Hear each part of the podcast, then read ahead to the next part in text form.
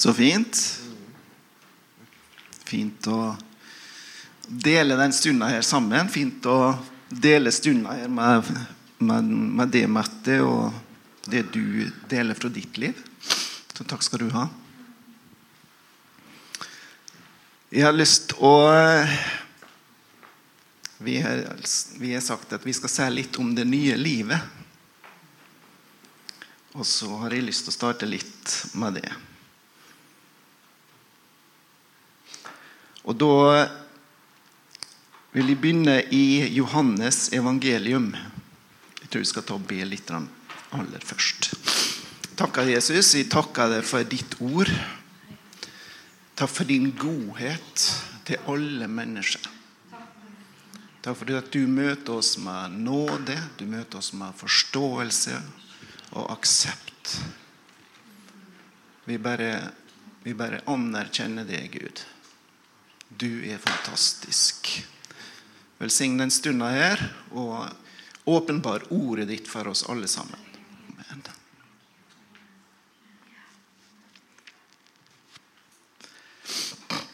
Johannes kapittel 3. Johannes evangelium kapittel 3. Fra første vers. Der er det en mann som heter Nikodemus som kommer til Jesus. Det står det her at det var en mann blant fariseerne som het Nikodemus. Han var en av jødenes rådsherrer. Altså Han var en i det religiøse systemet i, i Israel på den tida. Så var Nikodemus en fariseer. Han var skriftlærd.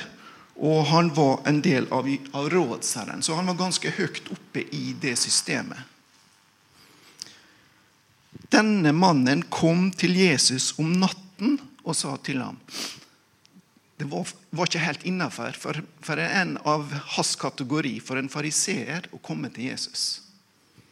Så han kom om natta, så ikke noen skulle se han egentlig. Så enkelt var det. Og Så sier han Nikodemus til Jesus, altså rabbi, han begynner med rabbi. Og Det er en betegnelse på en lærer, en som på en måte er litt anerkjent. Så sier han det at rabbi, vi vet at du er en lærer kommet fra Gud. For ingen kan gjøre disse tegnene som du gjør, uten at Gud er med ham. Så han anerkjenner Jesus. Han har sett eh, han har hørt undervisninga til Jesus. Eh, undervisninga har truffet ham sikkert. Og han skjønner det at ut ifra alle tegnene som Jesus har gjort, alle undere og det som, som, eh, Jesus gjorde i, på den tida der, så han at vi forstår det, at du er fra Gud. For ingen kan gjøre disse tegnene som du gjør, uten at Gud er med ham. Ikke sant? Og Da skulle en kanskje tenke det at Jesus å, å, å, takk for støtten. liksom. Det var jo kjempefint at du har forstått det, og det var hyggelig at du kom sånn snikende som natta. Det var jo veldig bra. Eh, og, og, og synes det at Hvordan skal vi gjøre dette for å overbevise alle andre om det samme? Mye rart en kan tenke seg at Jesus burde kanskje respondere på en slik Når kommer en fariseer, en som er litt oppe i gradene her. men så sier Jesus Jesus svarte ham Sannelig, sannelig, sier jeg deg, den som ikke blir født på ny, kan ikke se Guds rike. Ok. Det er da det går litt i svart for Nikodemus. For når du skal bli født på ny Så Nikodemus spør, Nikodemus spør Jesus da hvordan kan en mann bli født når han er gammel? Og kan for andre gang komme inn i sin mors liv og bli født. Altså, Nikodemus eh, problematiserer dette, her, for han skjønner ikke hva Jesus snakker om. Og så svarer Jesus, sannelig, sannelig, sier jeg deg, den som ikke blir født av vann og ånd, kan ikke komme inn i Guds rike. Det som er født av kjøtt, er kjøtt, og det som er født av ånd, Ånden er ånd. Undre deg ikke over at jeg sa til deg, dere må bli født på ny. Hva er det som skjer her? Født på ny. Det ordet for ny her, det er det samme som ovenfra. Du må bli født ovenfra. Du må bli født på ny. Er det kroppen som blir ny? Nei. Akkurat den samme gamle kroppen. Den er ikke sikkert den er så gammel engang, men iallfall den er nå så gammel den er, og det vil fortsette med å være etter at du blir født på ny. Du vil sitte med den samme bagasjen i forhold til dine erfaringer og tanker, følelser og opplevelser i stor grad. Altså din sjel den er i prinsippet den samme den er, selv om Gud kan gjøre ganske mye fint i et nu. Men det er ikke noe automatikk i det, at, at alt blir nytt i din sjel. For du har med deg din bagasje. Men du blir ny på den måten at du får en ny ånd. Den hellige ånd tar bolig i den som blir født på ny. Og det er et fantastisk konsept, spør du meg.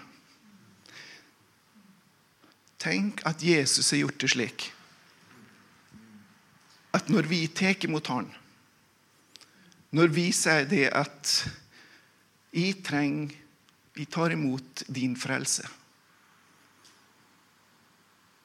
Jeg aksepterer det at du har betalt alt for min skyld.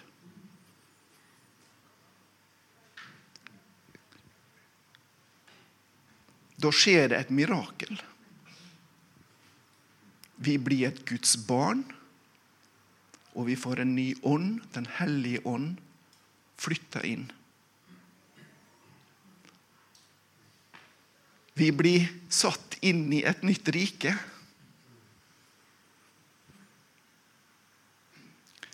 Fantastisk.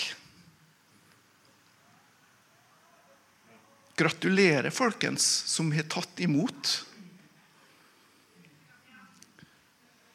Og med Den hellige ånd boende i oss, så har vi en talsmann, en forsvarer. Vi har en kraft. Vi har en fred. Bibelen snakker om åndens frukter. Med Den hellige ånd buende i oss, så har vi det her tett på. Vi har det så tett på at du kan nesten si at du har en samboer.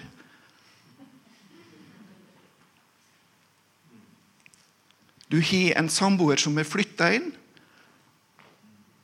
Og så er det litt opp til altså Jeg tenker slik, da, for min egen del, at når Den hellige ånd har tatt bolig i meg, så er det grensesprengende i seg sjøl. Men jeg ønsker ikke å ha han buende på en hybel i kjelleren der jeg bare hører han går i døra av og til.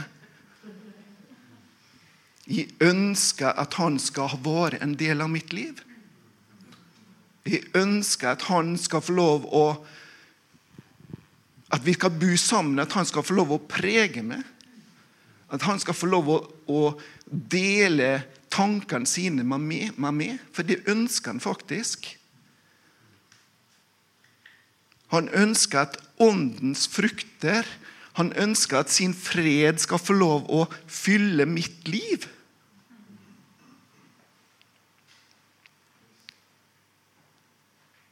Det er fantastisk.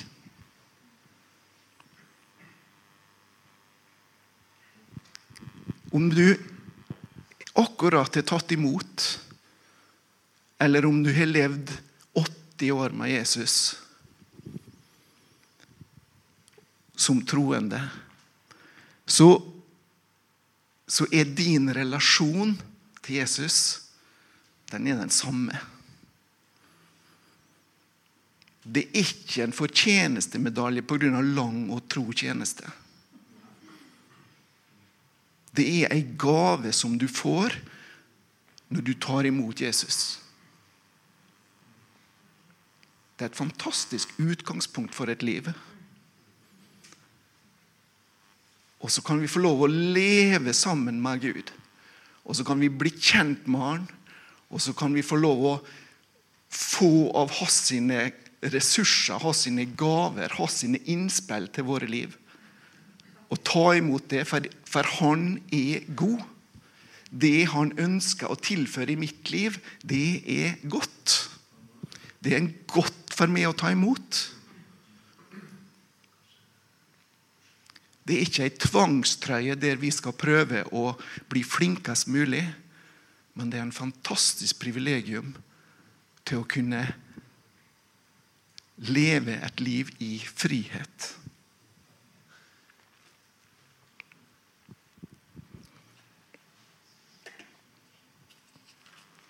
Titus, kapittel 3. Går det bra med dere?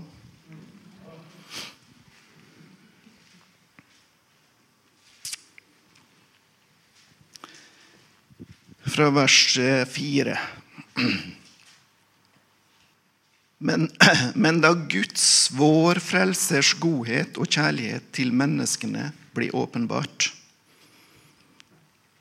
Det gjorde, det skjedde når Jesus kom til jord frelste han oss ikke av rettferdige gjerninger vi hadde gjort, men etter sin miskunnhet ved gjenfødelsen og fornyelsens bad ved Den hellige ånd. Altså når du blir født av Ånden. Når du tar imot Jesus og blir født, du får en ny ånd. Ved gjenfødelsen og fornyelsens bad ved Den hellige ånd, kaller jeg det her som han rikelig øste utover oss ved Jesus Kristus, vår frelser. For at vi, etter å ha blitt rettferdiggjort ved Hans nåde, skulle bli arvinger ifølge håpet om evig liv. Ikke nok med at han bor i oss og støtter oss og vil hjelpe oss i livet her, men han sier det at vi er blitt arvinger. Kristi medarvinger står en annen plass. Og vi har et håp om et evig liv sammen med Han. Så jeg tenker bare det her jeg ønsker å minne om i dag, det er inngangsporten til det nye livet det er når vi bestemmer oss for å ta imot frelsen som Jesus har tilrettelagt. Og vi aksepterer at betalinga for våre synder, det har Jesus gjort. For hvis vi skal begynne å gjøre så godt vi kan for å prøve å bli frelst, da sliter vi. For det greier vi ikke. Vi kan bli veldig gode og snille og flotte mennesker, og det er kjempebra. Ikke nok med det, det er helt supert. Vi skal være gode naboer og gode medmennesker. Vi skal bare spre om oss av det, alt det gode vi har fått. Og alt det er helt både på sin plass og supert. Men det er ikke derfor at vi blir Guds barn. Så la oss oppmuntre hverandre. La oss ta imot ifra Gud.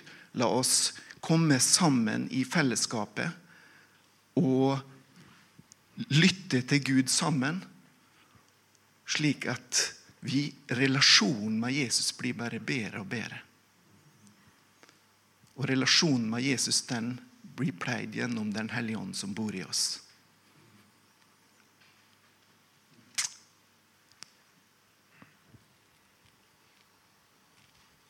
Da tror jeg jeg overlater ordet til min kjære kone.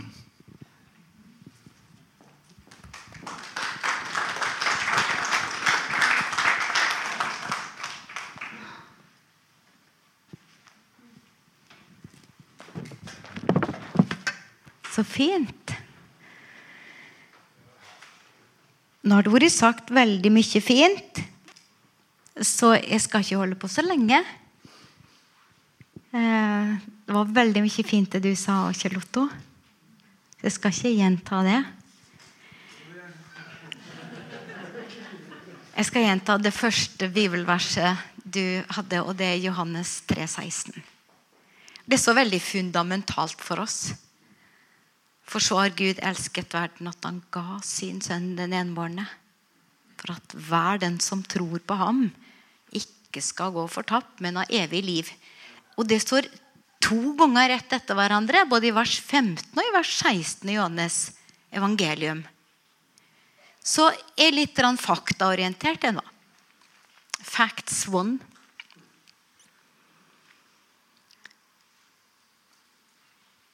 Når du tar imot Jesus, når du tror på han, så får du en ny destinasjon. Hva er den nye destinasjonen? Jo, evig liv. Så eh, Vi snakker om det å gjøre kursendringer i livet vårt. Så kan det være en liten endring med en båt, f.eks. En liten kursendring her. Men om litt så er vi på en helt annen plass. Så det faktumet at det valget du har tatt, Mette, det er en liten kursendring, det vil føre deg til et annet sted. Det vil føre deg til evig liv. Og så er ikke det bare en destinasjon der framme, men det er en reise fra nå. Det er en vandring fra det tidspunktet vi tar imot. Så har vi en ny destinasjon. Facts one. Så skal jeg lese fra 1. Johannes eh, eh, vers 3. Og der står det sånn at Se, hvilken kjærlighet Faderen har gitt oss, at vi skal kalles Guds barn. Derfor kjenner ikke verden oss fordi den ikke har kjent Han. Elskede, nå er vi Guds barn. Og det er ennå ikke åpenbart hva vi skal bli, men vi vet at når Han blir åpenbart, skal vi bli lik Han. For at vi skal se Ham som Han er. Hver den som har dette håpet, renser seg selv liksom han er ren. Fact 2. Vi er Guds barn.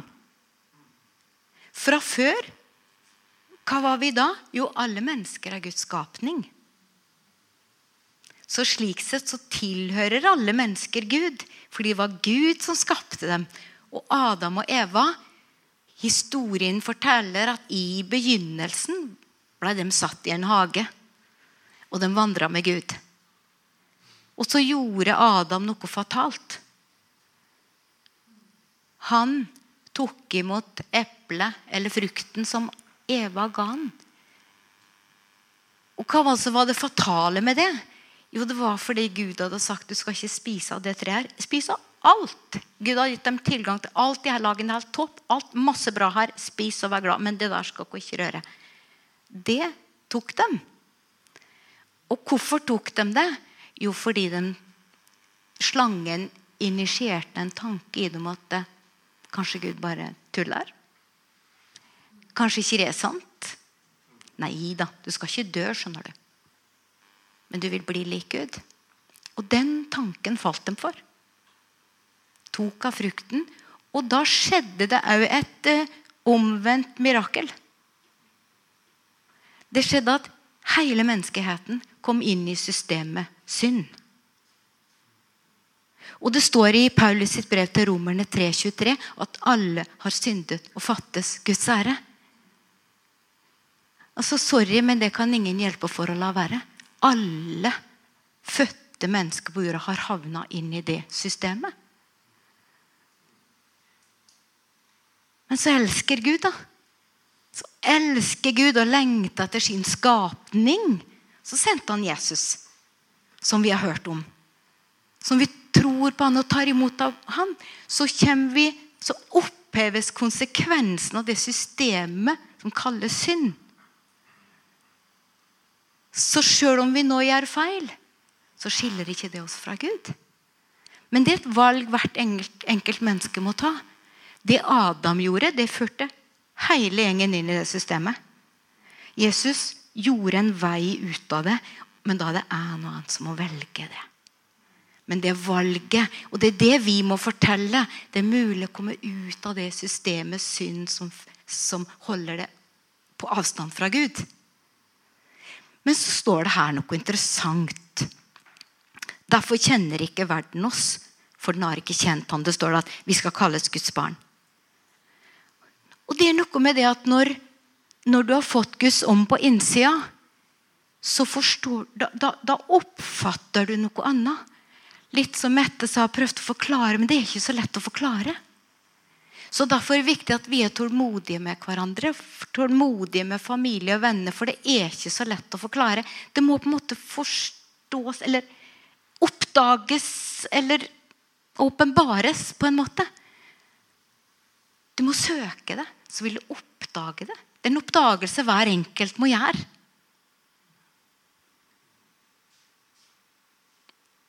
Og så står det at hver den som har dette til håpet, håpet han renser seg selv, liksom han er ren. Jo, i forhold til Jesus så er systemet synd. Det har ikke den konsekvensen lenger. Men i forhold til hverandre det er jo kjempeviktig at vi gjør opp. Og hvis jeg har gjort noe dumt mot Lars, det er jo kjempeviktig at jeg erkjenner det. Sant? Det, handler om å være ærlig med livet sitt. Det handler om å stå for den du er, og si at vet du, ja, det var galt av meg. Kan du tilgi meg? Vi må ikke gå rundt og tenke at vi er over, så vi ikke trenger relatere til hverandre eller ikke trenger å rense oss. Men det å, det å sette ord på ting, ta ansvar for det du har gjort, og si at det var galt. Kan du tilgi meg? Betale tilbake om det var noe som ble feil. Gjøre opp. Da renser vi oss selv i relasjon med hverandre. Og vi har det godt sammen.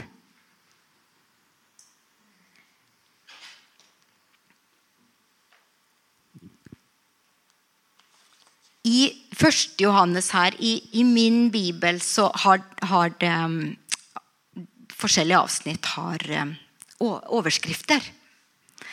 Og der står det at kjærligheten det er kjennetegnen på det nye livet. Kjennetegnet på det nye livet.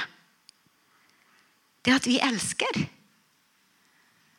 Det er et kjennetegn på det nye livet. Det blir mer kjærlighet. Eh, det er en dansk journalist som heter Charlotte Rørt. Hun hadde en veldig sterk gudsåpenbaring for en del år tilbake i et kloster eller i et kapell i Spania. Og Hun forteller om et møte med Jesus som bare gjorde, gjorde ting så annerledes. Litt slik som du delte med. Det var noe som skjedde der. Det var noe hun så, det var noe hun opplevde. Og, og da sier Jesus til henne Så fint at du er her.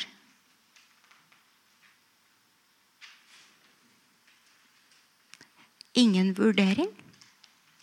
Bare så fint at du er her. Og Gud ser på oss faktisk uten vurdering. Han ser på oss, han ser på Jesus, så ser han på oss gjennom Jesus.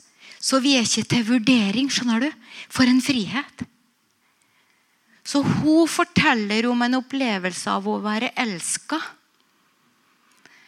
Og gitt ut ei bok til som heter eh, 'Vi har møtt Hun har skrevet ei bok 'Jeg har møtt Jesus'. Jeg møtte Jesus. Og så har hun skrevet ei bok til som heter 'Vi har møtt Jesus'.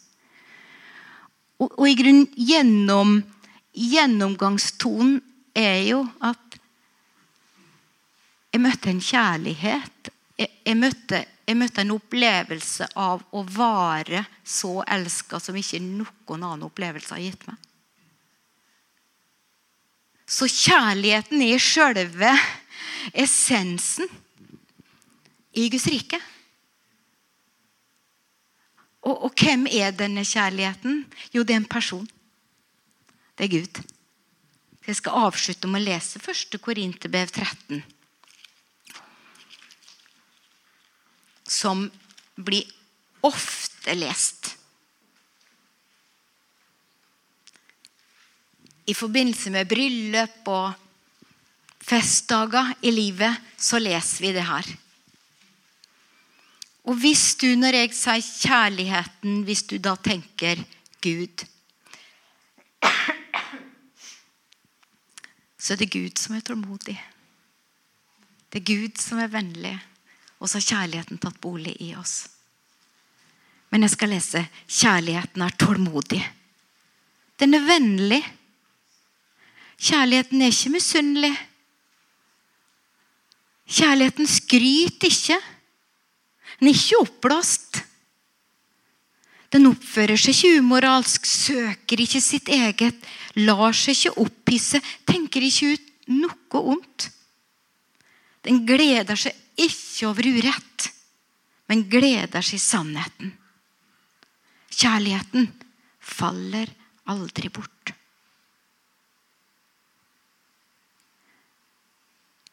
Står det litt lenger nede, i vers 13, så blir de da stående, disse tre Tro, håp og kjærlighet. Men den største av dem er kjærligheten. Troa, den får vi som ei gave. Håpet er vårt. Håpet om herlighet. Håpet om en dag å leve med, med Jesus. Håpet på så ulike måter. Håp om en, en bedre dag. Håp om et nytt liv. Håp om en i Ukraina. Håp om fred. Håpet er vårt. Men Gud er kjærligheten. Den, han faller aldri bort. Så det er noe Det er en facts der. Gud er kjærligheten. En evig kilde. Så tar aldri slutt. Amen, tror vi sa der.